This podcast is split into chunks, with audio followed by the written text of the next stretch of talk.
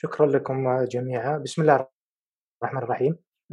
المصطلح آه، مشكل في كثير من العلوم آه، لكن آه، مناقشته فيما بين التاريخ والأدب له فائدة أكبر لأن التاريخ والأدب مرتبطان كثيرا وجزء كبير من دراسة الأدب متعلقة بتاريخ الأدب. وسأذكر مشكلة المصطلح في مصطلح تاريخ الأدب وكيف وردنا من الدراسات الغربية. ولأن هذا المصطلح قد يختلف بين العلمين لذا قد ينبني عليه خلل في فهم المعلومة أو في فهم النص. مثلا آه، من المعلوم أن التاريخ آه، أقدم من الأدب. وفي تخصص آه، علم التاريخ لديهم مصطلح إذا قالوا مثلا التاريخ القديم.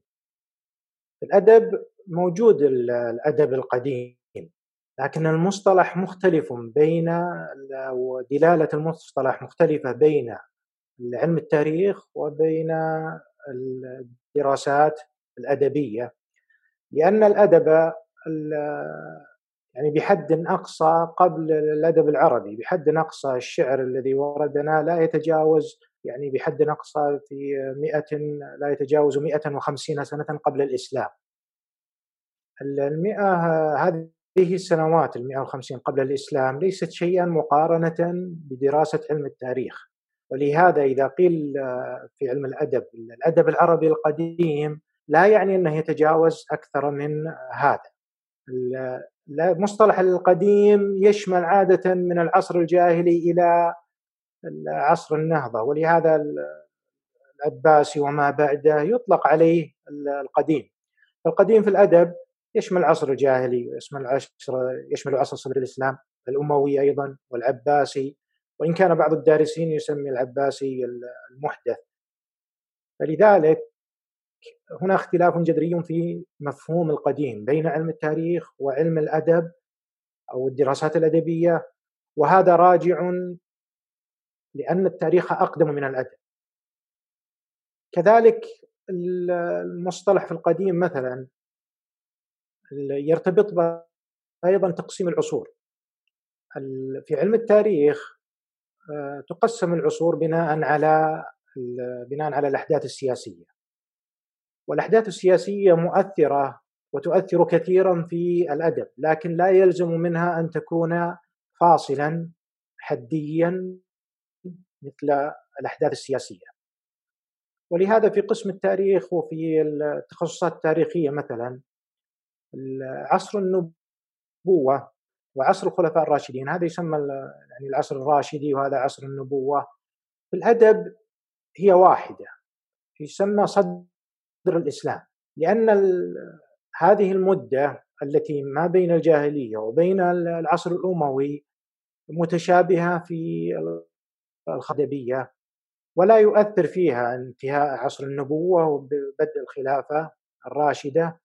لكن في التقسيم التاريخي من المهم التفريق بين نهاية عصر النبوة والعصر الراشدي لأن التاريخ يهتم بالأحداث السياسية المؤثرة مؤثرة كثيرة. كذلك في العصر العباسي. العصر العباسي هو كتلة واحدة في الدراسات التاريخية وإن يعني يقسم إلى عصر قوة وإلى عصر ضعف.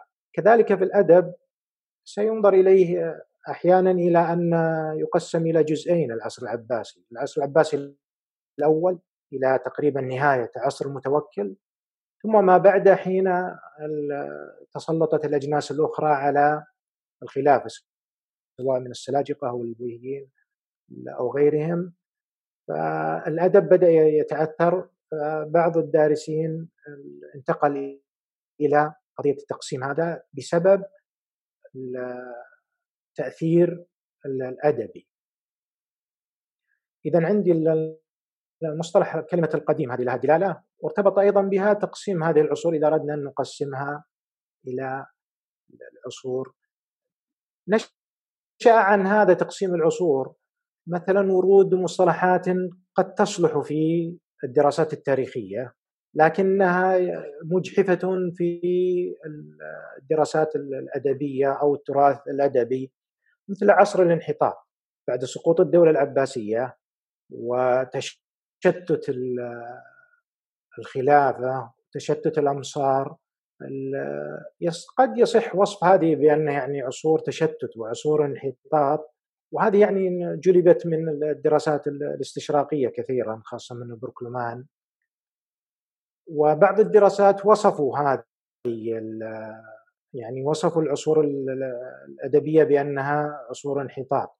لكن كما ذكرت لكم هذا فيه إجحاف أن يوصف بعصر الانحطاط. يصح تاريخيا بوصف الانحطاط انها لم تكن ثمة يعني كتلة سياسية واحدة هذه التي تسمى عصور الانحطاط خرجت فيها موسوعات كبرى من مفاخر التراث العربي من أشهرها لسان العرب، لسان العرب أنجز في هذه المدة التي توصف بالانحطاط. كتاب صبح الأعشى في صناعة الإنشاء للقلقشندي من أعظم الموسوعات في الإنشاء عموما و يعني لا غنى لدارس المصطلحات خاصة مثل اللي تسمى عندنا الآن البروتوكولات السياسية المراسم في المراسم الملكية والمراسم الأميرية كيفية يعني عرض الجنود، عرض الوزراء، استقبال الوزراء، استقبال من الألف إلى الياء. هذه مفصلة تفصيلا كبيرا في كتاب القلقشندي صبح الأعشى. وما ينبغي عليه وكيف يكاتب السلطان وكيف يكاتب نواب السلطان. هذا يعني الثراء المعرفي إنما وجد في هذا العصر الذي يسمى الانحطاط. مثل أيضا نهاية الأرب للنويري. وكذلك مسالك الأبصار في الممالك الأمصار من فضل الله العمري. هذه الموسوعات الكبيرة والتي تعد من مفاخر التراث آه، ظهرت في هذا العصر الذي سمي بعصر الانحطاط وحاول بعض الدارسين إلى آه، استعمال مصطلح ألطف وكان يعني وهذا المصطلح أفضل من وجهة نظري آه، سماه مصطلح الدول المتتابعة. هذه الدول المتتابعة آه، يعني يوصف الحالة السياسية بأنها لم تكن دولة واحدة وفي الوقت نفسه لا يجحف بهذا الإنتاج الذي موجود. تأثرت كثيرا لما كنا ندرس مثلا كنا ندرس على أن السكاكي من أشهر علماء البلاغة له كتاب اسمه مفتاح العلوم. السكاكي هو الذي حول البلاغة إلى القواعد. كانت البلاغة عائمة في كتابات عبد القاهر الجرجاني وفي كتابات الرازي وكتابات الزمخشري ولو أردت من طالب أن يقرأ في كتب هؤلاء العلماء صعب عليه الفهم وصعب عليه التقاط هذه الجوانب البلاغية. فالسكاكي أتى وحولها إلى مثل القواعد. الذي غالب من درسنا وغالب الكتب اللي درستنا أن السكاكي يعني أجرم في البلاغة وأنه هو سبب انحطاط البلاغة وهو سبب جمود البلاغة وأن الدراسة البلاغية توقفت في عصره وتلقفت هذا الشيء حينما كنت طالبا. لكن بعد القراءات والنظر تبين لي أن السكاكي آه، الذي يوصف بالجمود وأنه في عصر الانحطاط هو أحد عباقرة البلاغة وهو أعمدة وهو من أعمدة البلاغة. وجميع الذين انتقدوه في طريقته لم يستطيعوا الخروج عنه. يعني كثير من المعاصرين يصف السكاكي بأنه هو الذي سبب جمود البلاغة لكن هذا المعاصر في طريقة عرضه للبلاغة إنما يمشي على خطى السكاكي في تقسيم التشبيه وفي تقسيم الاستعارة وفي حد التشبيه وفي حد الاستعارة. هذا يدل على أن السكاكي وأن وصف عصره بالانحطاط وأن وصف كتابه بالجمود ما دام آه، أن كتابه حاضر في الدرس البلاغي فهذا دليل على قوته وأن وصف بغير وصفه. فالمقصد أن قد يصح وصف تلك الحقبة بالانحطاط التاريخي نظرا إلى التشتت السياسي وهو يعني التشتت أضعف العالم الإسلامي لكنه لا يصح نقل هذا المصطلح إلى الدراسات الأدبية أو غيرها لأن هذا العصر غني بالمصنفات الموسوعية التي أثرت التراث العربي. لا شك أن الأدب ضعف بعدها وهذا صحيح لكن الضعف بدأ يعني في أواخر هذه العصور لا سيما حينما بدأ يتولى الاعاجم مقاليد السلطة يعني من بداية نهاية العصر الدول المتتابعة إلى بداية الدولة العثمانية ضعف الأدب ضعفا كثيرا والأدب يعني الشعر والنثر والنثر يعني أصبح فيه السجع المتكلف وأصبحت فيه ال يعني ال الاهتمام بالزخارف اللفظية أكثر من المعنى، لكن حتى هذا العصر وإن وصف بالضعف لم يمنع من ظهور كتب غنية من أشهرها خزانة الأدب لعبد القاهر لعبد القادر. عفوا لعبد القادر البغدادي الذي شرح شرح شواهد الشافية وهو من أضخم الموسوعات في شرح الشواهد وتدل على سعه اطلاع آه، لهذا العالم الجليل. فهذا مثال لإشكالية نقل مصطلح من علم إلى علم دون النظر إلى آه، يعني الزاوية التي ينظر إليها. المتخصص في التاريخ سينظر إليها نظرة خاصة أما المتخصص في الدراسات الأدبية سينظر إليها نظرة أخرى. وبسبب اختلاف النظرة ستختلف أيضا المصطلحات مثل آه، الطبقات. مصطلح الطبقات عند أهل التراجم وعند المؤرخين يعنون به الطبقة التاريخية. فالطبقة هي الجيل عندنا نعبر عنها الآن بالجيل هي جيل الأشخاص الذين عاشوا في مدة زمنية متقاربة وكانوا يعني المتقا... كانوا متقاربي الأسنان في الأدب الطبقات ليست بهذه الصورة الطبقات لو رجعنا إلى كتاب طبقات الشعراء لابن سلم الجمحوي أو طبقات الشعراء لعبد الله بن المعتز الطبقات تبنى على الجودة الأدبية وليست على الحقبة التاريخية. مثلا ابن سلام الجمحي آه، يضع في الطبقة الأولى وضع امرأ القيس وزهير بن أبي سلمى والأعشى. هؤلاء كلهم ليسوا في زمن واحد إنما جمعهم الجودة. أخر بعض الشعراء مثل طرف بن العبد وهو من أصحاب المعلقات جعله في الطبقة الرابعة لقلة آه، شعره. وأخر شعراء القرى. فهو حينما يستخدم الطبقات إنما يعني ينظر إلى منظور الجودة لأن هذا هو الذي يهم الدارس الأدبي في تحديد الجودة وليس في تحديد الحقبة التاريخية. فلهذا إذا في الدراسات الأدبية حين يقال والحطيئة من طبقة كعب آه، لا يعني به الطبقة التاريخية لأن الحطيئة وكعب قد يكون يعني لكن من أشهرهم مثلا الأعشى وامرئ القيس. إذا قلت أن الأعشى من طبقة امرئ القيس بينهم دهور ليسوا في طبقة واحدة تاريخيا لكنهم في الطبقة الأدبية في طبقة واحدة. كذلك ابن المعتز حينما يتكلم عن طبقات الشعراء في العصر العباسي إنما ينبني على يبنيها على الجودة لأن هذا هو المعني في الشعر ولا يعنيه التقدم والتأخر.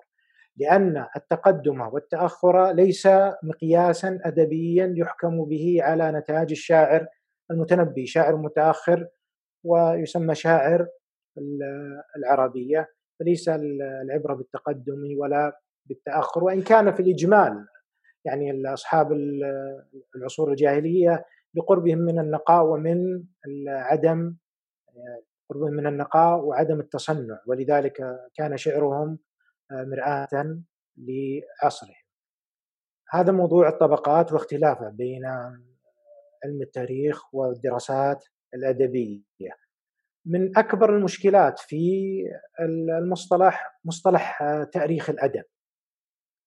هذا المصطلح لم يكن معروفا في آه، التراث الإسلامي وإنما بدأ في الدراسات الغربية.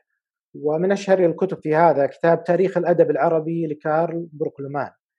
كارل بروكلمان والدراسات الغربية حينما يتكلمون عن الأدب لا يعنون به الفن.